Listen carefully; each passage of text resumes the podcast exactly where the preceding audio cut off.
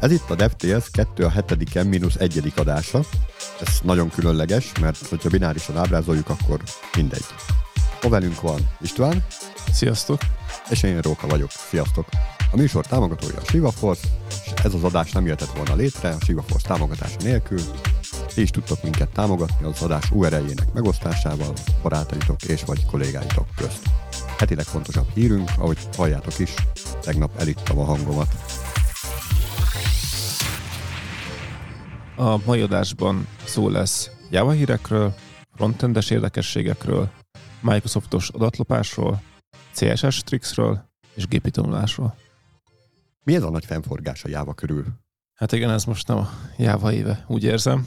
Ugye hát még igazából technikailag tavaly volt, tavaly évvégén volt a Log4j-s őrület, ahol távoli kódot lehet lefuttatni a, egy Log4j sérülékenység miatt, most pedig a Spring frameworkbe találtak egy hasonlóan súlyos, sőt, ugyannyira súlyos sérülékenységet. Ez a Spring Framework, ez a legelterjedtebb keretrendszer. Igen, hát ugye erről pont a legutóbbi adásban beszéltünk, hogy itt a rendszerek van 80%-ában, ahol ilyen, ilyen jellegű rendszerek vannak, tehát ilyen mikroszerviszek, vagy kisebb alkalmazásokat abszolút ezt használják, de ugye még nagyobb rendszerekből is nagyon elterjedt. Ugye csak igazából a legacy alkalmazások, ahol nem elterjedt, tehát még a 2010 előtt készült alkalmazások. Tehát akkor a, aki nem egy, egy olyan enterprise nagy vállalat, hogy ezt ne engedhetné meg magának, ők majd WordPress-be tolják a szájtjukat, meg azokat a szervizeket, amiket akarnak kiszolgálni, azokat majd PHP-ban megírják, aki meg tehetősebb, ők jávában fogják, és valószínűleg használni is fogják ezt. Tehát akkor így duplán baj. Igen. Na és mi ez? Mi ez a sérülékenység? Maga a sérülékenység az, az abból áll, hogy itt is el lehet érni a class loader-t a jávába, ami ugye az osztályok betöltése fel, és ezzel lehet ugye mindenféle rossz dolgot csinálni, például logfájlokat írni, ami úgy első nem hangzik annyira veszélyesnek, de... Hát de, hát megírom az LTC per passvd fájlt logként. Igen, tehát hogy ez, ez a veszély, hogyha olyan helyre írsz, vagy olyan fájlt írsz, amit tehát hogy nyilván mondjuk egy ETC per password valószínűleg tudsz írni, de mondjuk más lehet. Tehát például itt, ami demonstrálták, az az, hogy a Tomcat alá egy ESP fájlt, ugye ez egy futható uh-huh. szerverolé fájl, oda azt írunk. És akkor nem már megvan a tábori kódfutatás. Nagyon király, nagyon király. És mi kell ehhez? Tehát kell ehhez valami felhasználó interakció, vagy tehát rá kell kattintani valamire, vagy? Igen, hát egy REST hívás kell. Maga a... Ja, de akkor nem, tehát akkor csak a támadó beküld egy URL-t. Igen. Ez a távoli támadás a Springnek a data bindinget használja ki, amikor is ugye adatmodelleket tud bindolni különböző interfészekhez, tehát mondjuk egy, egy resztes hívásnál. És itt maga az osztály is ki van vezetve, az osztályon keresztül a class oldalt is el lehet írni, és onnantól már lehet akkor innentől a, a komolyabb támadásokat csinálni. De hogyan? Tehát egy getes URL-ben spéci módon fel kell paraméterezni, vagy hogy kell ezt elképzelni? Igen, igen igazából a getbe meg kell egy class. És akkor, mert hogyha megadjuk azt, tehát ugye például itt a cikkben van például egy tök jó minta, hogy itt egy, van egy objektumunk, ugye ott megadhatnánk a query paraméterbe annak a propertyjait, de ha paraméterbe csak adjuk egy class, akkor annak az osztályát érjük el. Egy pár évvel ezelőtt volt a Node.js alatt is egy ilyenfajta sérülékenység, ahol a Ugye Node-ba is lehet VM-eket készíteni, és ott is hasonlóan el lehetett térni a szülőnek az adattagjait, és annak a szülőnek, és annak a szülőjének, és lényeg az, hogy ki lehetett caplatni a VM-ből, ott mindenféle adatot el lehetett olvasni, holott azt ígéri a VM, hogy ott bezárja egy ilyen homokozóba az ott futtatandó kódot, és akkor itt is valami hasonlóról van szó. Csak ugye nem VM-ekről, hanem propertike keresztül, de hogy elérünk még.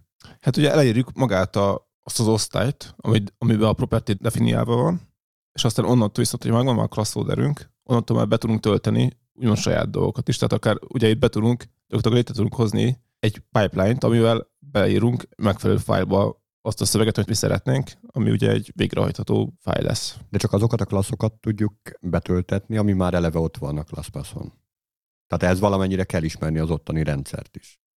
Hát ugye például maga az, a Java osztályait ismerjük meg a Springnek. Tehát igazából az... az ja, hogy ezekkel is már kivitelezhető. Igen. Nagyon király. Hogy így gyorsan átnézzük, hogy ennek mi a feltétele. Az egyik az, hogy ez minimum 9-es Java kell, és ugye ki is térünk, hogy miért. Hát ez szuper. Tehát aki elavult, vagy régi legacy rendszer csinált, az ő biztonságban. Igen, és erről beszéltünk, hogy még a rendszer kb. egyharmada még mindig 8-as javán fut. Tehát... Nem véletlenül, látod? Igen, most ez így igazolva lettek. Jelenleg szükséges az, hogy Tomcat alatt fusson, tehát nem aztán, ugye egy ja, Spring Boot esetén lehet egy ilyen standalone jar file-ként létrehozni egy szervert, ami egy, ugye egy minimális embedded Tomcat fut. Jelenleg ez még nem sérülékeny. Jelenleg az kell, hogy Tomcat... Vagyis, hogy nem találták még meg. Azt Igen. a jövő hónapban. Igen, az fontos hangsúlyozni, hogy jelenleg maga a sérülékenység ennél általánosabb, csak még nem találtak olyan támadást, ami, amit meg tudnak új oldani, hogy a jarnál működjön. De az nem jelenti azt, hogy nem is fognak később. Tehát az, akinek ő nem Tomcat fut az alkalmazása, az sem nyugodjon meg, frissíteni kell majd, mert még később lehet, hogy találnak majd, vagy lehet, hogy valaki talált, csak nem publikálta, szóval az, hogy most még csak így tudták mutatni, az, az semmit nem jelent ilyen szempontból. Maga a sérülékenység ugye az a Spring MVC, meg a Spring Web Plus WebFlux dependenciákat érinti, tehát igazából minden olyan Springes alkalmazást, ami bármilyen HTTP kiszolgálást végez. És akkor, hogy mondtam, itt a data bindingon keresztül érik el a classloader és itt van egy érdekesség, hogy miért kell a 9-es jába. Azért, mert ez a classloader elérés, ez már korábban előjött, még 2010-ben találtak erre sérülékenységet, és akkor javították. Viszont akkor látszik, hogy úgy javították ki, hogy bele volt erősen kódolva, hogy milyen esetekre nézik a classloader elérést, és kb. a Java 9-ben bejöttek a modulok, és a modulok segítségével egy új mód van arra, hogy elérjük ezt a klasszódert, és ezért ez a már korábban meglévő javítás, ez, ez így nem tudott segíteni, és így akkor azt most már el lehet érni újra. És igen, itt akkor aztán, amit beraktak egy mintát, vagy egy, egy példatámadást, ott azt láthatjuk, hogy gyakorlatilag egy ESP fájlt írnak be a root direktoriba, a warfile-nak a rootjába, és onnantól azt meg lehet hívni, ami abban a ESP van, az lefut, ami ugye akár egy reverse is nyitott, akár hogyha a környezet lehetővé teszi azt, Hát ugye akkor még az is kell, hogy az a JSP az elérhető legyen. Tehát, hogyha valamilyen módon úgy van felkonfigurálva előtte a tűzfalad, vagy akármilyen kiszolgálód, hogy ugye JSP-ket nem lehet csak úgy megcímezni. Persze, igen, tehát nyilván ez mindig igaz, hogy azért egy jó backendet mindig úgy alakítanak ki, hogy az erősen korlátozott annak az elérése. Tűzfalal védett, ugye kise lát az internetre, csak befeljöttnek hívások, szóval ott egy bizonyos védelmet az is, de Azért még így is elég csúnya a helyzet. És ezt kik találták? Ezt lehet tudni? Igen. Egy tudósok. Az Antigroup FG Security Labornak a, vagy Labnek a egyik tagja találta, vagy jelentette be. És hogy találták? Tehát, hogy őket megtámadták így, vagy, vagy csak úgy szkennelgettek? Ez külön nincsen részletezve. Én gyanítom, hogy egyébként itt külön kutatták itt. Hát nekem egyébként van egy ilyen konteóm, ilyen összeesküvés elméletem, hogy hogy került most elő ennyi sok jávás sérülékenység. Képzeld el, hogy háború van, nyilván nem csak a fizikai fronton, hanem ilyen kiberfronton is. Orba szájba lövik egymást az államok, akiknek nyilván van betárazva rengeteg olyan sérülékenység, amit nem publikáltak még. Pont azért, hogy tudjanak jönni-menni mindenféle rendszerekben. Előnek egyet, jönnek-mennek vele, és hogy-hogy nem azért lebuknak. Én erre tudok gondolni, de mondom, ez abszolút minden megalapozottság nélküli. Hát igen, ez nem kizárt. Ugye pont az ilyen security lebeknél ugye szokott lenni az, hogy nekik valaki bejelenti, hogy találtak valami, tehát hogy behatolást észleltek, és hogy akkor segítséget kérnek abban, hogy felderítsék, hogy hogyan történt ez a behatolás. Tehát ugye lehet, hogy így találták, csak ezt még nem publikálták ebbe az esetben például. Ugye erre volt például magyar példa is, amikor itt Magyarországon találtak egy Stuxnet variánst, az is például így fejezték fel, hogy egyik ügyfél jelezte, hogy beatoltak, és akkor ott találták meg a konkrét vírust. Szóval igen, ez is elképzelhető. Lehet, hogy csak véletlen egybesés. Hát igen, vannak véletlen egybesések, de általában azért összefüggés van közöttük. Igen, mert ez most tényleg az, hogy egy két komolyabb sérülés jön, meg viszonylag közel egymáshoz. Akkor lassan ez lesz a Java és a Security házasságának az éve. Úgy néz ki. Szerencsére van javítás, kijöttek a frissítések is. A Spring oldalon több minor verziót is adtak ki frissítést. Ezek kívül van rá workaround, hogyha valaki nem tud frissíteni, akkor le tudja tiltani ezeket az URL-eket, akár a Spring frameworkbe, vagy ami kevésbé hatékony, de ha gyors javítás kell, akkor tűzfalon is meg lehet ugye, hogy a URL-t figyelni. És azt lehet tudni, hogy hány pontos? ez a sérülékenységek? 9,8 pontos. Nagyon szép. Nagyon szép. Gratulálok. Ez tényleg ez szép eredmény. Igen, majd szép ezt az év végén szummáztunk a pontokat, hogy... igen, igen. Melyik keretrendszer pontozódik ki hamarabb?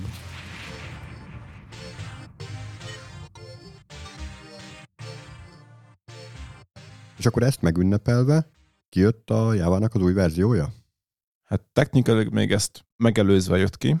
Március végén, 22-én jött ki a Java 18. Ugye ez nem egy LTS kiadás, a 17 volt a legutóbbi LTS, tehát annak ez most ezek itt a új feature-öket kezdje bevezetni. És ez még tartalmazza ezt a springes... Hát ugye az a maga, az a sérülékenység az, az igazából Java-tól ilyen tényleg független. Tehát az nem a Java oldalhiba a springes, tehát a... Hanem az kifejezetten csak Spring. Igen, tehát uh-huh. ott az csak Springet tudják javítani, tehát ott van maga a sérülékenység.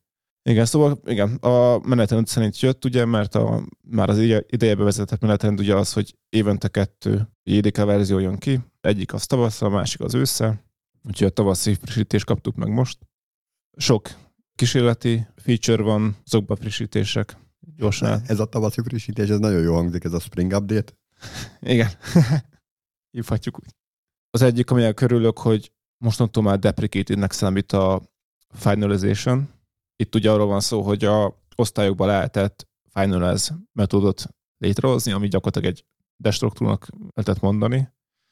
És az mi baj? Egy menedzsert nyelvben elég viszályos, mert például könnyen memória szivárgásra vezethet, mert így akár blokkolhatja a gécének a futását. Jó, hát eleve, tehát egy menedzsert nyelven ne kezelje memóriát.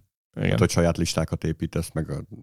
De viszont, hogyha tényleg erre adtad a fejedet, hogy te akarsz ott valamilyen adatszerkezetbe tárolni újabb és újabb dolgokat, akkor azért egy hasznos dolog tud lenni, hogy mikor kell ezt lebontani.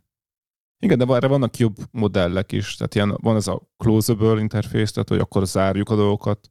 Tehát a Final ez, az, én például láttam olyan keretrendszert, ahol azt okozta, hogy beragadtak fájlok, mert hogy a Finalize-ba zárták le a fájlokat, és semmi se garantálja, mikor fut le ez a Finalize, mert ugye lehet, hogy egy nagy méretű heap esetén nagyon sok helyben tud maradni a memóriába az a objektum, és csak a törlés során fog lefutni a Finalize, és akkor viszont addig nyitva marad a fájl. És volt ilyen, hogy meg elszivárogtak a nyitott fájlok az oprendszeren. Tehát túl sok volt már nyitott fájl. Tehát ilyen hibát én már láttam. Nagyon szép.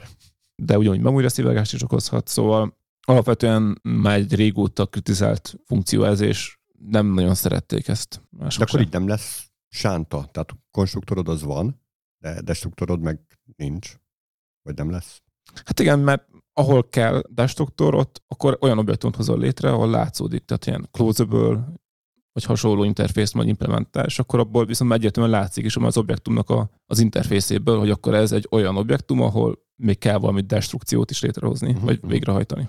Tehát ilyen tényleg szerintem szerencsés, hogy tudatosabb fejlesztést kényszerít ki. Jó, tehát hogy fejlesztéssel old meg, tehát nem egy nyelvi szerkezet, hanem fejlesztéssel old meg ezt a fajta problémakört. Mondhatjuk, igazából nagy különbség nincsen a, a fejlesztő szempontjából olyan téren, hogy implement egy interfészt, és ugyanúgy lesz egy metódus, ahol elvégezhet ugyanazt. Ja, hát csak... így is úgy is meg kell csinálni, csak hogy nem a nyelv maga támogatja. Igen, hát támogatja a nyelv igazából, csak így, hogyha valaki használja ezt az objektumot, vagy ezt az apit, akkor azonnal látja az interfészek alapján, hogy ez egy olyan objektum, aminek lesz egy zárási része, ahol megtörténik a konkrét destrukció, vagy a, uh-huh. a folyamatok lezárása, és így tényleg egyszerűen egy tudatosabb fejlesztést kényszerít ki. Emellett még jöttek ki például a pattern matchingbe, még továbbra is preview-ban maradt ez a feature, de ott frissítések érkeztek ilyen téren, főleg teljesítményjavításokat látni. incubation tehát még, a, még az abszolút fejlesztés elején van a külső memória és API elérés. Ugye ez itt a JNI, a Java Native Interface-nek az a kiváltása lenne, ami segítségével JVM-en kívüli kódot és memória részet tudunk elérni. Megmondom őszintén, ezt én nem sűrűn használom. Régen például Androidnál nagyon hasznos funkció volt. Biztos most is van olyan környezet, ahol erre szükség van, és most ezt próbálják ezt a interfészt könnyebben használhatóvá tenni. Mert a ilyen az eléggé kényelmetlen volt. De akkor egy teljesen új protokollt építenek fel? Vagy pedig a JNE kap egy pár nem, ez egy teljesen új. Teljesen új lesz. Tehát ezt a nulláról kezdik újraépíteni. Ugye ez már egy ideje készül, de ez igen, valószínűleg még azt sem nem meg, hogy a következő LTS-be se kerül neki, mert ez még ez egy ért, érezhetően komoly funkció, tehát itt biztonságra is erősen figyelni kell, Ha már egy... a Java és a security. Igen. Szóval ide készül. De akkor a, a, tehát ezzel például lehetőség lenne valamilyen másfajta, mondjuk script nyelvvel összekötni a jávát. Tehát, hogy akár jávás memória objektumokkal megcímezni egy PHP-s alkalmazást, anélkül, hogy ezt így HTTP meg kéne járatni. Vagy, vagy, vagy JavaScript-es Node.js-es alkalmazást, vagy Python-t, vagy bármit. Igen, hát vagy akár igen, natív oprendszerhívásokat, natív library-ket elérni. Amit én, tehát én például láttam tipikus, hogy natív Android library-t például így el lehetett írni, uh-huh. ami hasznos volt. Tehát ilyesmi fun- funkciókra jó. Alapvetően mondom, a webes világban ez annyira nem szükséges, de vannak bizonyára olyan helyzetek, ahol ez fontos. A vektorapival is dolgoztak, ugye ez az ilyen vektorműveletekre jó, tehát itt már kihasználják a processzoroknak azokat az utasításait, ahol ilyen SIMD utasítások, tehát egy utasítás, de több adaton egyszerre hatékonyan működést érhetünk el ezzel. Tehát ez főleg az ilyen motekosabb library-knál lesz hasznos, vagy a, akár machine learning és hasonló felhasználási területeken lesz hasznos. De akkor, hogyha jól sejtem, ez a bytecode-ot is erősen érinti. Tehát ott is hát igen. új értékek. Igen, magát a bytecode-ot, meg a compilert, tehát a mhm. just-in-time compilert erősen érinti ilyen téren. Igen, ez is egy szűk réteget érint, ezért is nem siettek ezzel a feature de azért jó látni, hogy teljesítményre is figyelnek. Kriptót nem támogat? Még.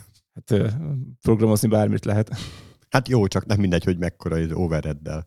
Hát igen, ez valószínűleg ez például segít, de a kriptót ugye eleve videókártyán szoktak, vagy, vagy ilyen külső hardware tehát nem processzoron. Hát jó, de érted, hogyha most csak egy ilyen Spring sérülékenységen keresztül tudsz bemenni néhány nagy vállalathoz, és azokat a hardvereket tudod használni, akkor, akkor az van. Igen. De jó, hogyha akkor ezt még lehet még hatékonyabban. Igen, az a fontos, hogy ez Ami még érdekes, hogy a minimál webszerver is bekerült ebbe a JDK-ba. Erre kb. egy éve jelent meg a JEP, a Java Enhancement Proposal. Itt, itt tényleg annyi volt a cél, hogy egy minimális webszervert hozzanak létre, ami csak fájlokat tud kiszolgálni.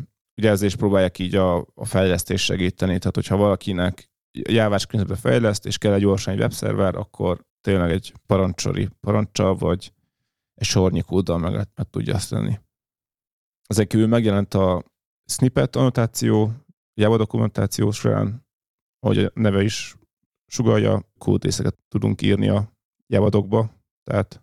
De ez volt korábban is. Nekem rémlik, hogy ilyen HTML formázott részt lehetett. Nem tudom, mi volt régen. Tehát, hogy ilyen nagyon szépen ilyen egyszerű HTML elemekkel meg tudtam formázni a jávadokot. De kódrészetet is? Tehát, hát, hogyha a kód tegek közé tettem, nyilván nem syntax highlight azt a kódot, csak ilyen rögzített karakterszélességű módon mutatta.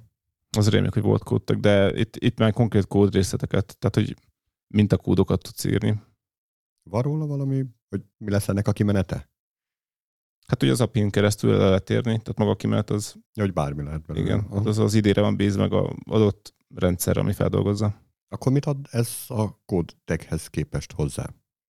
Vagy talán az lehet, hogy a, a kód tag az csak így egy folyószövegnek egy része, és most pedig eh, dedikáltan egy kód snippet, amit így külön is el tudsz érni. Ö, hát igen, valami ilyesmi. Hát itt olyan tervek vannak, mint a kódnak a validálása, syntax validálása, syntax highlight. Tehát De ilyen, igen, ezt kérdeztem, akkor syntax highlight is. Igen, tehát ilyen kényelmesebbé tétel itt a cél. Nagyon szép lesz. Szupi.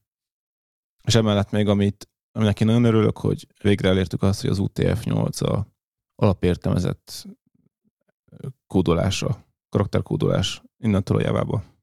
Wow! Úgyhogy többé nem lesz gond az ékezetes karakterekkel. És vajon a properties fájlokat is érinti ez? Vagy abban még mindig ilyen latin egyet kell használni? Vagy az lesz a default, csak, csak, csak és akkor lesz kivétel, hogy hol, hol ne használd azért. Hát mi ez a default, én arra számítok, hogy innentől a, a property is menni fog. És vajon változó nevekben is lehet használni? Tehát tudok olyan propertit létrehozni, hogy int róka hosszú óval. Ezt én erősen kétlem. JavaScriptben egyébként lehet. Hát örülök neki. hát ez ennyire jó nyelv.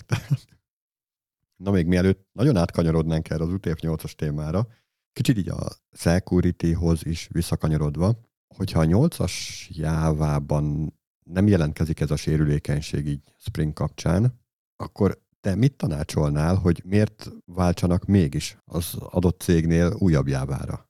Miért lehet ez mégis hasznos, hogyha ennyire biztonságos? Idézőjelben ennyire biztonságos, nyilván lehet benne ezer más. Hát ugye itt most egy, egy konkrét esetről van szó, tehát hogy alapvetően ez nem a jellemző helyzet, viszont cserébe nyilván a, egy újabb JDK-nál több feature-t kapunk, ami megkönnyíti a fejlesztést, meg a fejlesztőnek a munkáját.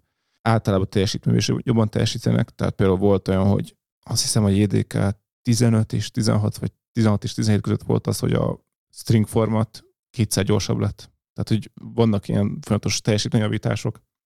Alapvetően nagyobb figyelmet kapnak. Tehát, a JDK 8 az ugye pont az, ami még mindig, ugye, vagy beszéltük, nagyon sokáig fogja támogatni az orékől, de én úgy gondolom, hogy általában az újabb jdk mégis nagyobb figyelmet kapnak a fejlesztőktől, és, és megkönnyíti a fejlesztést. Tehát ha van egy rendszered, és azt 20 éven át JDK 8 tartod, akkor azt, azt már soha nem fogod később egy újabb jávára frissíteni. Viszont, hogyha folyamatosan próbálod mindig az legfrissebb LTS-re frissíteni, akkor, akkor az mindig egy, egy rövidebb, kisebb munka. De mindig ki kell fizetni azt a, azt a díjat. Igen, de az egy jóval kisebb díj. Hát igen, erre próbáltam én is, hogy hogyha valaki így Java 8 marad, akkor ő valójában kobol programozókat nevel. Igen.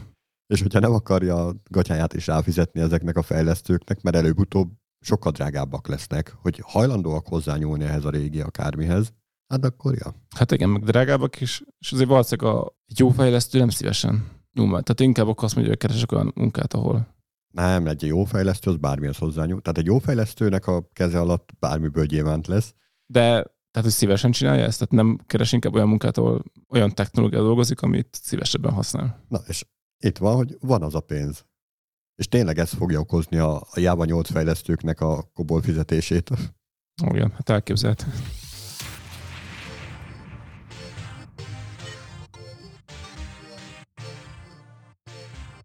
Na, és hogyha már UTF-8 támogatás érkezik a Jávába, mármint, hogy default UTF-8 encoding lesz benne, akkor én is hoztam egy kis UTF-8-as dolgot.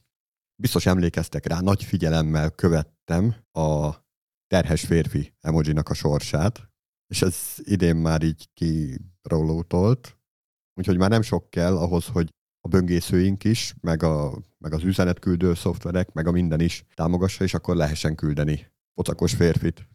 Na, mit szólsz hozzá? Hát ezt is megéltük. Biztos lesz olyan használati eset, amikor ez is jó jön. Hát persze, egy ebéd után. Igen. Harmadik sor után már. Igen, az meg a másik. Én el nem tudom képzelni ennek. Tehát, hogy miért, miért kellett ezt így tönkre vágni. Tehát, szóval értem én ezt a nagy, mi a fenét, hogy, hogy ne különböztessünk meg így nemek alapján, de a biológia basszus az, tehát az embernek sincsen nyolc lába, mint egy póknak mondjuk. Tehát... És ezt majd tíz múlva visszahallgatjuk, amikor megjelenik a nyolc szábú ember emoji. Igen, igen. Na, viszont, hogy emojik, képzeld, találtam egy oldalt, ahol olyan emojikat lehet találni, amik nem léteznek. Most ez a terhes férfi emoji, ez pont létezik, de hogy olyan emojikat lehet találni, ami nem létezik. És itt minden a világ egyetemen ott van? Vagy mire számíthatunk? Hát itt ilyen nagyon Móriczka rajzos emojikra kell gondolni, tehát nem ilyen nagyon szépen megtervezett 3D és árnyékok és minden is van rajta, meg különböző bőrszínben, meg akármi. De hogy van egy ilyen weboldal, ahol te tudsz készíteni random, akár random is, vagy akár te is be tudod állítani, hogy milyen legyen, vagy kisorsolja neked a gép, hogy pontosan milyen emoji legyen, és akkor elkészülnek az olyan emojik, amik még nem léteznek. Inspirációt adnak ezek a következő terhes férfira, vagy? akár.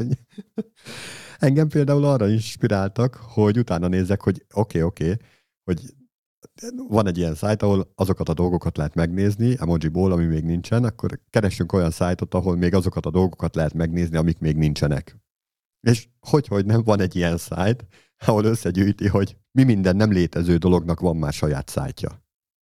De hát akkor ezen, ezek a dolgok már léteznek, nem? Hát igen, ezen is el, el, elmélkedhetünk, hogy most akkor létezik, vagy nem létezik nagyon filozófikus ez a vonulat. Hogyha valami nincs, Tehát azt mondjuk rá, hogy nincsen, de már gondoltunk rá, akkor már meg is teremtettük a gondolatainkkal. Akkor már van. Tehát olyan, hogy nincs, az, az nem létezik, de most, hogy így rá gondoltunk, akkor már az is létezik. Hát, hát nem lehet semmire gondolni. Igen. Hát azért mondjuk néhányan megcsinálják.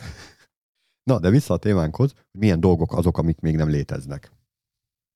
Biztos emlékeztek rá, hogy valamelyik korábbi adásban, még az emojik előtt behoztam egy olyan témát, ahol egy olyan szájtot mutattam, hogy this person doesn't exist, ahol egy ilyen mesterséges intelligencia által generált arcot, nagyon valósághű arcot lehetett megnézni, vagy újra generáltatni neki, és akkor ennek mintájára, vagy erre egy kaptafára készült még néhány ilyen szájt. És akkor van ilyen, hogy az első, amit meg is kerestem, this cat doesn't exist, tehát, hogy az a macska, ami, ami nem létezik. Nagyon szép macskákat lehet feltenni. Ugye ez akkor lehet jó, hogyha te nagyon aggódsz a privacy miatt, és szeretnél macskás képet feltenni, mert amúgy szereted a macskáidat, és Facebookra mindenképp fel akarod ezeket tenni, de aggódsz a cicádnak a személyiségi jogai miatt, ezért felteszel egy olyan macskát, ami még nem létezik.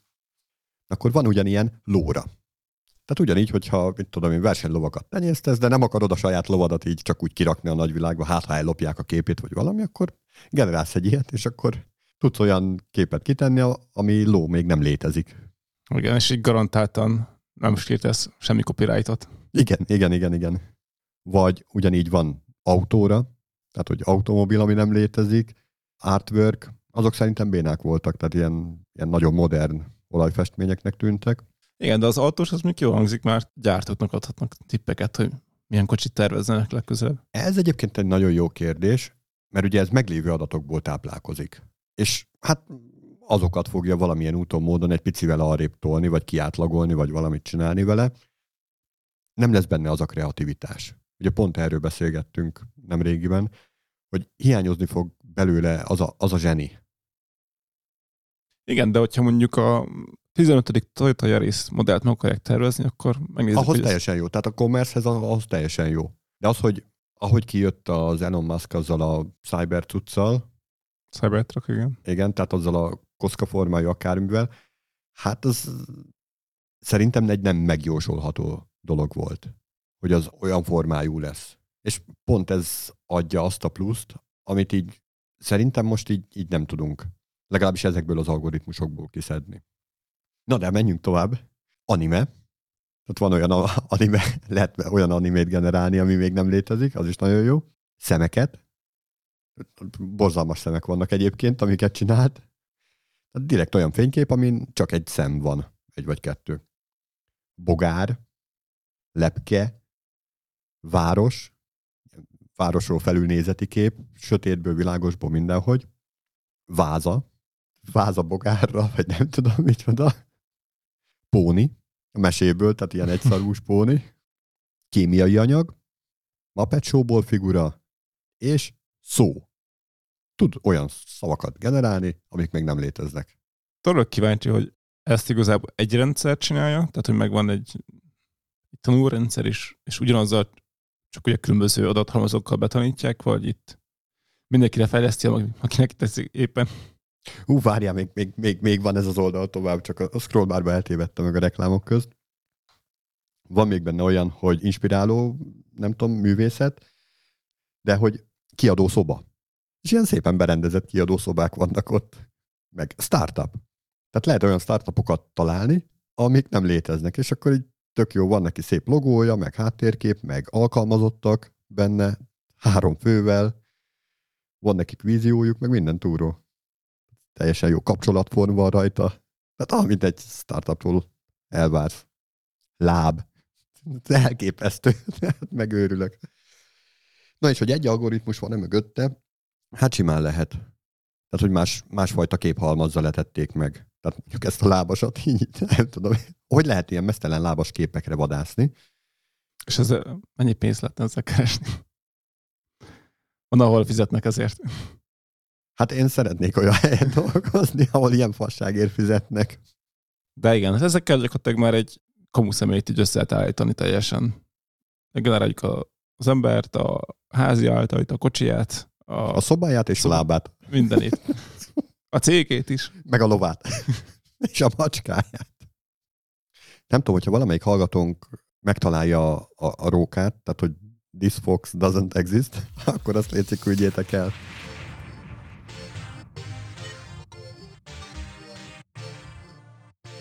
Na, hoztam egy tök jó cikket még, nem annyira friss, tehát ez 21 decemberi, UI trendekkel kapcsolatban. Ez kicsivel komolyabb téma, mint az előző. Itt arról értekeznek, hogy mik lesznek a top 10 UI trendek 2022-ben. Őrületes következtetésekre jutnak, például márkaépítés egyedi illusztrációkkal. Gondoltad volna-e, hogy ez például egy, egy UI trend lesz? Érdekes. Hallom, hogy szó, Szótlan vagyok, igen. Ez, ez, egy, ez egy kifejezetten 22-es trend lesz akkor ezek szerint. Igen, igen. Határozottan. De akkor nézzük is, hogy mik vannak még. Egyedi kurzor interakciók. Tehát, hogy mozgatod az egérkurzort, és akkor alatta a weboldal egyedien viselkedik. Vagy kattintasz, és egyedi módon fog reagálni. Igen, hát ilyet is láttunk már. És az a baj ezekkel, hogy jól néz ki, de az esetek 90%-ában az idegesítő egyébként. Igen, rohadt idegesítő. Ez engem arra emlékeztet, amikor ilyen 90-es évek közepe vége felé bejött a JavaScript, és akkor mindenki ilyen olyan egérkurzort követő, ugráló, zavaró dolgot csinált. Hát ugye azt UI trendnek gondolják ismételten, nem tudom, hogy mi alapján, hogy el tudunk majd merülni a metaverzumban. Gondolom VR vagy AR dologra gondolnak, majd ilyen webshop épül, vagy nem tudom, amit VR szemüveggel tudunk megnézni, de én ebben nagyon szkeptikus vagyok. Egyáltalán még nem, nem annyira elterjedt ez, hogy így nézzünk. Igen, egyszerűen technológia hiányzik, tehát amíg nem lesz ez teljesen beépülve a mindennapokba, tehát hogy még fel kell venni valami szemüveget, ami nagy, tölteni kell, nem tudom, kalibrálni kell, addig sose fog elterjedni igazán. Mondjuk ide kapcsolódik a következő pont, ez azt hiszem, hogy a negyedik top UI trend 2022-ben, hogy 3D-t azt így intenzívebben fel fogják használni az elkereskedelemben. És erre azért már volt korábban példa, hogy az Apple-nek kijött egy ilyen saját file formátum, amivel 3D-s dolgot, tehát olyan képformátum, amiben egy 3D-s objektum van, és akkor tudod így forgatni meg mindent. Szóval a Google-nek is van, meg talán a Facebook is csinál ilyen dolgokat, hogy a telefonnak a giroszkópját használva más szögből vagy máshogyan mutatja meg ugyanazt a képet. Igen, meg hát egyébként is amúgy nem mindig jó, de azért látni ilyen webshopokon, amikor tévét veszel, vagy telefont, hogy akkor annak van ilyen 3 d nézete, ahol így meg tudod forgatni, hogy néz ki előről, hátulról. Amikor meg tudod forgatni, az egyébként egy tök jó dolog. Feltéve, hogy jó minőségben meg tudod forgatni, és át tudsz nagyítani, hogy bele tudsz nézni ott az USB csatlakozóba, vagy ilyesmi. Hogy az tényleg olyan, olyan fajta, mint ami neked szükséged van rá. Ez a giroszkópos cucc, amikor én találkoztam vele, akkor mindig borzasztóan idegesített, mert hogyha valahogy úgy akarom nézni, akkor így tartsom a fejem fölé, fejjel lefelé, és akkor úgy tudom nézni, vagy teljesen kitekeredett pozíciókat kellett felvenni. Igen, így papíron ez a jól tettek hangzik, mert nem kell hozzá semmi interakció, csak mozgatni kell, és ez milyen természetes, és ezt hangyakorabban meg Így, így, pontosan. Na és akkor 22-es UI trend, merészebb és karakteresebb betűtípusok. Hát fantasztikus. Hát ez igen, 80-as évek. És így vastagabb betűk is lesznek. Meg én már várom azt a betűtípust vissza, amikor tudod, az, amit így festéksóróval is fel lehet fújni. Tehát, hogy a betűknek a közepén ott van egy kis vágás. Ugye akkor ezt nem tudom, hogy miért UI trendnek gondolták, ez a low code and no code platformoknak az elterjedése. Hogy ennek mi köze a, a, a UI trendekhez. E, ismered amúgy? Hát van egy sejtésem, igen. Hát nagyjából arról van szó, hogy nem kell programkódot írnod ahhoz, hogy megszülessen a te alkalmazásod, hanem valamilyen akár grafikus vagy akármilyen felületen összekattingatod, de tényleges programozói tudás nélkül. És ez tök fontos, hogy azért a nélkül is meg lehessen ezt ugrani, és akkor teljes körülön el tud készülni a te kódod. És erre van sok-sok platform. Én azt nem értem, hogy ezt miért ilyen UI trendnek rakták ide. Meg miért most, mert ez már legalább egy tíz éve tart, nem? Mondja, én láttam, tehát ez nem egy új dolog. És valami oka is volt annak, hogy mégsem terjedt el. Mert azért Tehát, hogyha beírod a kódot, sokkal nagyobb ráhatása van, mint hogyha ezt kivezeted valami grafikus felületre, és addig vezetsz bele dolgokat, amíg pont ugyanazt fogod elérni. Hát igen, meg hogyha meg olyan dolgot akarsz csinálni, amit egyszerű létrehozni, akkor meg korlátozhatok a lehetőségeket természetében adódóan már. Igen. Na és akkor a következő 2022-es UI trend, dinamikus színpaletták. Ez ugye azt jelenti, hogy így saját módon te se tudod szabni, hogyha te így a, nem tudom, narancsárgát szereted, vagy pirosat, vagy zöldet, és akkor ahhoz képest készül majd színpalettában el a, az alkalmazás, vagy egy weboldal, vagy bármi. Erre mondjuk én tényleg azt mondanám, hogy ez így egy viszonylag új trend, tehát ez nem nagyon elterjedt jelenleg, és amúgy én láttam, hogy ezt úgy tudnánk használni, vagy ez el tudna terjedni bizonyos fokig. Hát ugye belegondolsz, hogy de nem, tehát ez régen nagyon divat volt, aztán most kiment a divatból, és akkor most a feketével visszajött, hogy mindennek legyen sötét témája is, mert Black Lives Matter mozgalom, meg stb. Jó, akkor van most már sötét téma is, meg világos téma is, de akkor miért ne lehetne rózsaszín téma? Meg miért ne lehetne bármilyen téma is? És igazából a CSS az így adja, tehát rendelkezésre áll. A kérdés az, hogy ez hoz-e annyi pluszt, hogy érdemes legyen lefejleszteni? Hát igen, ez szerintem felhasználási terület függő. Tehát mondjuk egy, egy Facebookon úgy gondolom, hogy amúgy tök jó, ha valaki tudná a saját színvilágát, tehát ami neki tetsző színvilág választani, hogy akkor felületen azt lássa. Na, na, na. Gondolj csak el, hogy abból lő egy screenshotot, és akkor nem tudják belőle azonosítani a többi emberek, hogy ez a Facebookon történt. Tehát megszűnik az a fajta reklám értéke, hogy ez a kék, és ez az F betű, ez a Facebook. Igen, tehát brand szempontjából amúgy nyilván veszélyes, de nem tudom, hogy hát igen. Meg még olyan szempontból is tud veszélyes lenni, hogyha tényleg bármit választhatsz, tehát nem egy fix listából, vagy kipróbált színekből, hanem bármilyen alapszint így bedobsz neki, azt azért le kéne ám tesztelni, és nagyon sok szín van. Igen, hát én arra gondoltam, hogy igen, lennének témák, lenne, nem tudom, 5-10 téma, amit így ki tud választani. Tehát igazán most hogy például a, pont a Facebooknak a Messengerénél ugye van ilyen, hogy ki tudod választani, hogy milyen színek legyenek a buborékok az adott emberrel, akire beszélsz, és uh-huh. akkor ad egy stílus ennek a beszélgetésnek, és így. Tehát el tudom képzelni, hogy bizonyos ilyen, tehát hogy nyilván nem egy hírportálon, de vannak olyan bizonyos oldalak, ahol szerintem ez tudna hasznos lenni. Na akkor most már nem sok van hátra. Van ilyen, hogy rendszer-szerű felhasználói felület. Tehát, hogy egy felület úgy fog kinézni, mint hogyha valami rendszerkomponens lenne. Ezt így el nem tudom képzelni, hogy ez miért lenne UI trend. Akkor van ilyen jóslatuk, hogy történetmesélés ilyen görgetés vezérelt animációval, ami hogy helyek közel megvan, de hát már a, a parallax scrolling is bebukott, nem tudom, hogy ez, ez miért lenne most annyira. Ja, ez... És akkor az utolsó jóslatuk, ez a, hát nem is tudom, összecsukható tervezés? Igen, hát itt a összecsukható telefonokra készülni.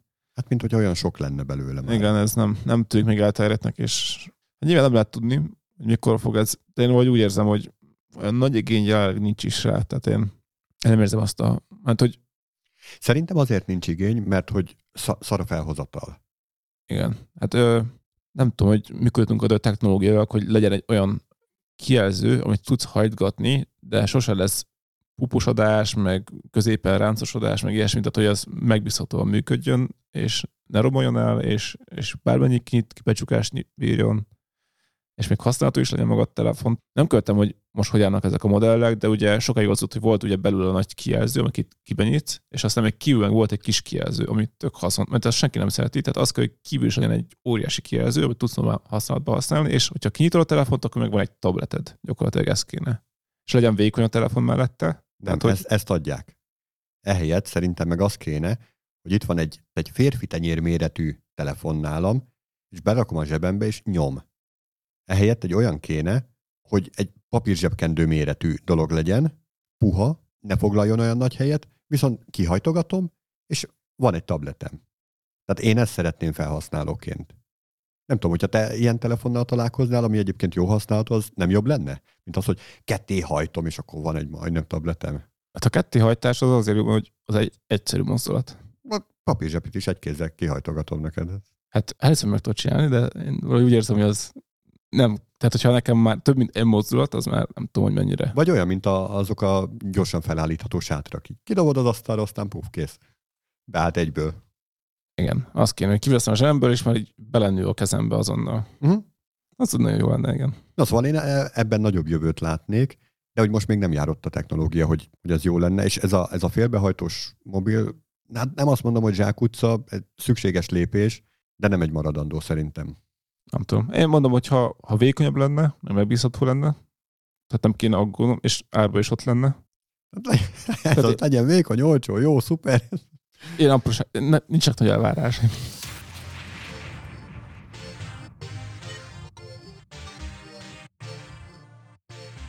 Na, hoztam még egy érdekes hírt, egy kicsit így a biztonsági dolgokat tovább víve. Képzeld, kikerült a Microsoft-tól néhány adat. Milyen adatokra kell gondolni? Programoknak a forráskódja, egy ilyen 37 gigabájtos torrent file formájában. Ouch. Az ami úgy... úgy nagyjából 250 projektnek a forráskódját, dokumentációját, belső céges dokumentumokat és levelezéseket tartalmazott. Az szép. Ott volt egy megsértődött alkalmazott, aki úgy gondolta, hogy dampolja ott, amit tud. Vagy... E, valószínűleg egy alkalmazotton keresztül jutottak be. Talán nem szándékosan, hanem valamilyen szoftverrel. Tehát, hogy nekem ez most a tippem, hogy kapott egy valamilyen phishing e-mailt, rákattintott, nem kellett volna, lement a gépére valamilyen gonosz szoftver, és akkor az mindent, amit ő elért, azt elért ez a szoftver is, és akkor szépen kipumpált a Microsofton kívülre. És tudjuk, hogy milyen szoftvereket sikerült így kiutatni? Hát például a Bing keresőnek a kódjának a 90%-át, vagy a Bing Maps-et, vagy a Cortánát, annak kb. a fele, hogy ezek voltak így a nagyobbak, de hogy tényleg 250, for, 250 projektnek a forráskódja. Hát igen, azért a, a Bing nem is elterjed, de azért ott, meg a Cortana is ott azért komoly tudásom ezek mögött, és azért ez szerintem egy nagy csapás ilyen téren, hogy azért az a intellektuális tudás, ami ott felhalmozódott, az így most publikus lett. Részben igen, részben nem. Nem tudom. Igazából ami miatt ezt behoztam ezt a hírt, és azon nagyon felhúztam magam, ez volt ott a cikkben, hogy forráskód kikerülése több okból is kellemetlen a cégnek. A legfontosabb talán az, hogy a szoftverek működését így nagyon alaposan megismerhetik illetéktelenek, és biztonsági hibákat találhatnak benne. Ne basz! Tehát biztonsági hibát találhatnak benne. Olyat, amit most oké, okay, akkor nem konteózok, tehát nem szándékosan, de hogy véletlen beleraktak. És ez kiderülhet. Ez miért fáj nekik? Normális helyeken erre bug hirdetnek, hogy emberek, itt van a kódunk, amúgy is ez egy nyílt forrású, de hogy üssetek, és akkor majd mi fizetünk, hogyha találtok valamit. Ezek meg amúgy is zárt forrásúak, és kikerült, és akkor azon aggódnak, hogy jó, megtalálják benne, amit nem tudom, szarkóddal beleraktunk, vagy... Igen, hát nekem, nekem csak az első gondolatom, hogy ez a veszély inkább az, hogy én úgy gondolom, hogy a egy értékes terméknél szélgott ki a kód, az, az kellemetlen tud lenni. Tehát, hogyha üzleti titok megy ki ezáltal. Egyébként igen, nem tűnik olyan téren nagy problémának. Hát nyilván van ilyen is például, azt tudom, hogy nyilván arra mindig figyelnek, hogyha valaki egy forráskodott nyílt aztán azt, azt máshogy írja, mint hogyha a belsőre. Belső, tehát egy zárt kódot írna. Hogy, Mire gondolsz? Hát, hogy milyen kódszájt használnak, legyen benne semmi olyan, ami információt adhat mondjuk a belső hálózatról, vagy a belső architektúráról, amiről nem akarnak infót kiadni, uh-huh, uh-huh. kommentek, személyes adatok akár, vagy kiírja a kódot, azt például nem feltétlenül akarják. Nyilván ez változó, de tehát ilyen dolgokra általában szoktak figyelni akkor. A nagy cégek, ugye? Ez a része, ez még oké. Okay. Mondom, én azon húztam fel magam, hogy az a legnagyobb problémájuk, hogy most kiderülhet, hogy szarakód. Hát igen, ez... Mi ez? Tehát ez mekkora hülyeség már. Persze, hogy derüljön ki. És itt járunk, hogy 2022 van, és szerintem még mindig az internet alkalmatlan arra, hogy pénzügyeket intézzünk rajta, meg biztonságosan adatot osszunk meg egymással. És erre ezt ilyen nagy cégek, céges szinten még, még erre rátesznek egy lapátta, hogy nem, ne derüljenek ki ezek a biztonsági hibák. Legyenek ott benne elásva, eltemetve. És majd valamilyen, nem tudom, patanásos 13 éves kölök majd megtalálja, és legyalulja vele a nagy tech cégeket. Hát igen, viszont hogy az ő oldalukban azt nézik, hogy most ezen még egy támadási felületet adtak, vagy hát jött létre rajtuk. Nem, ez már ott volt. Tehát ez egy olyan támadási felület, ami ott volt, picivel könnyebb lesz meglőni. Hát azért nem feltétlenül picivel. Tehát, hogyha... Akkor nagyon. Igen. És az már nem mindegy egy nagy cégnek, hogy most akkor... Hogy eddig szarul dolgoztak, és akkor most most kiderül, és akkor meg kell javítani. Hát, oké, értem én, hogy nem mindegy, persze sok munka lesz vele. Hát meg igen, ha, csak meg hogy... ha egyáltalán bejelentik, hogy találtak egy valamilyen sérülékenységet. Hát igen, ez a veszély, hogy most akkor majd a különböző, nem tudom én, állami erre hivatott részlegek masszívan átnézik és keresik a sérülékenységeket. Mondom, az a, ugye van különbség szoftver és szoftver között, tehát ha olyan szoftverről van szó, amit eleve ők kiadnak, mint egy szolgáltatás, az más, mint hogyha egy olyan rendszer, vagy olyan komponens, ami egy, az ő belső hálókba fut, és igazából senki sem tud róla, hogy létezik, mert csak egy kis backend alkalmazás ott, és annak kikerülök forráskódja, az, az úgy érzem, hogy azért azt tud kártékony lenni rájuk nézve, security szempontjából is. Persze, persze, csak hogy van egy ilyen elv, hogy design by security, tehát hogy eleve úgy tervezt, hogy, hogy az jó legyen. Ezt Értem, képest de... szerintem egy csomó esetben úgy csinálják, hogy csináljunk meg egy pocot, hú, működik, akkor holnap már el is adjuk. Igen, ez abszolút jelen van. Ennek ellenére én szeretném azt hinni, hogy alapvetően azért figyelnek a security tehát azért az ilyen cégeknél külön részletek vannak erre, akik ezt ellenőrzik. Nem tudom, hogy összeszámolnánk így az elmúlt években a CVS számokat, hány darab kötődik a Microsofthoz. Oké, okay, most a Java meg, az még meg ezek próbálják beelőzni, de nem fog sikerülni. Tehát ahhoz nagyon sokat kéne dolgozni, hogy az összes ilyen Windows-os cucc az... Hát igen, hát a Windows az egy, az egy külön állatfaj ilyen szempontból. De valószínűleg csak azért, mert hogy sokan használják, ezért sokan lövik. Hát meg komplex nagyon. Tehát, hogyha egy olyan rendszert csinálsz, ami sokan használnak, komplex, és aztán még ugye úgy is megtervező, hogy ez könnyen használható legyen, meg nem tudom, tehát akkor az még, még ott, tehát hogyha egy, ha arra menni, hogy legyen sok funkció, de nagyon bonyolult legyen használni, akkor ott azért valószínűleg könnyebb security szempontjából úgy tervezni. Mert olyan bonyolult lesz, hogy senki sem tudja használni. Hát, akár. Hát nem tudom, a Microsoft azért egy pár nyilatkozatában így elsütötte azt, hogy ő szeretne nyitni az open source irányába. Itt lenne a lehetőség. Mekkora, mekkora nagy trúváj lenne, hogyha így azt mondják, hogy jó, akkor elvitték a Bingnek a 90%-át, tessék, itt van a maradék 10 is, open source. Egyébként a Bingnél például igen, mint egy kereső motor. Egy Elasticsearch, vagy nem tudom. Jó, jó, mondjuk egy kereső motor, tehát ha belegondolsz, a Google az ebből lett. Tehát, hogy egy kereső motorból lett ilyen. Értem, csak hát a Bing az bizonyítottan, bár még lehet, hogy mindig használják, mint termék. Ugye a régen a Facebook is a Binget használta a belső keresőrendszerüknek, uh-huh. ami nem fejeztették ki a sajátot. Tehát valószínűleg úgy vannak még olyan nagy cégek, akik, akik rengeteget fizettek a Bingért. Most is, tehát ezért lehet, hogy nem akarják nyílt forráskódot tenni. De hogyha nyílt forráskódú, akkor is lehet érte pénzt kérni. Persze, hát igen, erre vannak modellek, igen. Csak hogy ez valószínűleg őket demotiválja ilyen szempontból. Meg mondjuk, ja, hogyha nyílt forráskódú, akkor mi akadályozza meg azt, hogy valaki úgy használja, hogy nem fizet érte. A büntetéstől való félelem.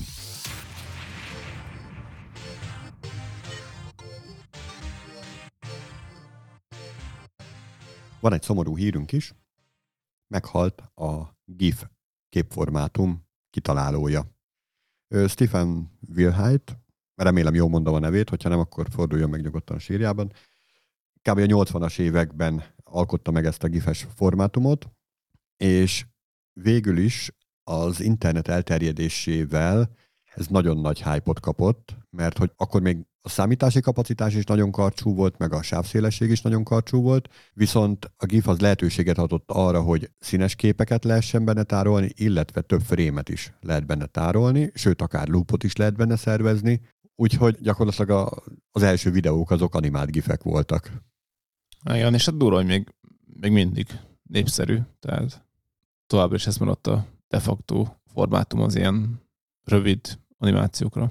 Hát azért most már vannak ilyen webem, meg ehhez hasonlók, tehát vannak modernebb formátumok, de egyébként igen, tehát nagyon, nagyon széles körben elterjedt. Ugye az volt még a, a nagy trúváj benne, hogy volt benne átlátszó szín, tehát hogy lehetett ilyen transzparens, meg ugye az animáció.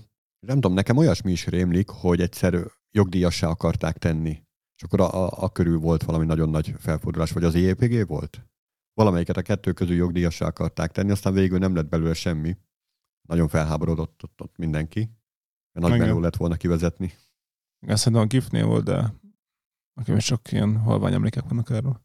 És hát ez az úriember, ez 2013-ban még életműdíjat is kapott a GIF-ért. Azt köszönjük szépen ennek az úriembernek, hogy feltalálta nekünk ezt a képformátumot.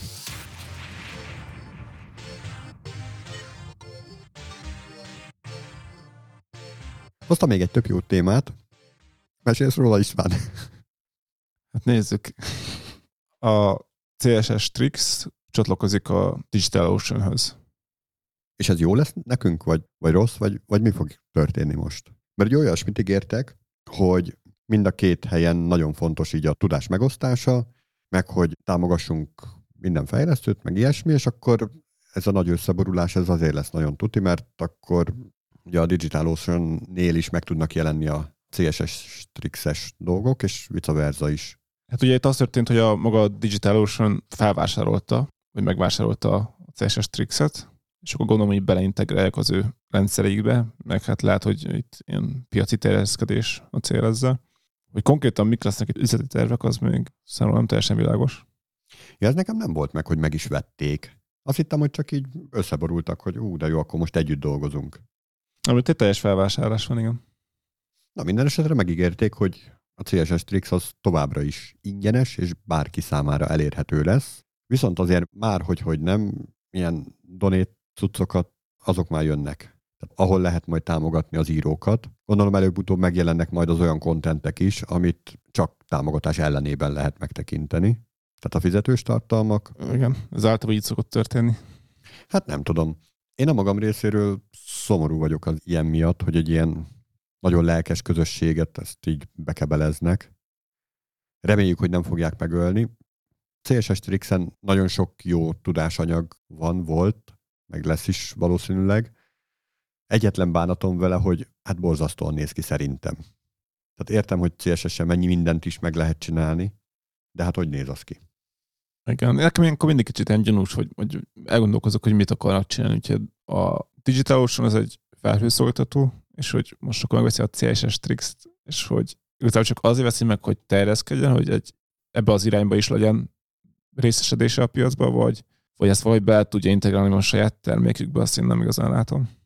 Hát most, hogyha megnyitod a CSS Trixet, akkor ott kapsz egy 100 dolláros kupont, amit 60 napig fel tudsz használni a Digital Ocean-nél, és én arra satszolnék, hogy ezt a rengeteg felhasználót, aki itt van a CSS Trixen, ugye fejlesztők vannak itt jellemzően, őket próbálják beterelni oda hozzájuk, és akkor majd ott szednek apró pénzt azért, hogy ott üzemeljen az akármilyen kis alkalmazásuk. Hmm. Igen, lehet, így akarnak ezzel így igazából hirdetni magukat, meg felhasználókat szerezni.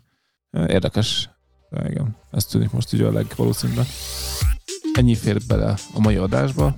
Kövessetek minket, és iratkozzatok fel ránk Facebookon, Slacken, Youtube-on, Twitteren, Spotify-on, Apple Podcasten, Google Podcasten, Castboxon RSS-ben. és az utcán. Sziasztok! Sziasztok!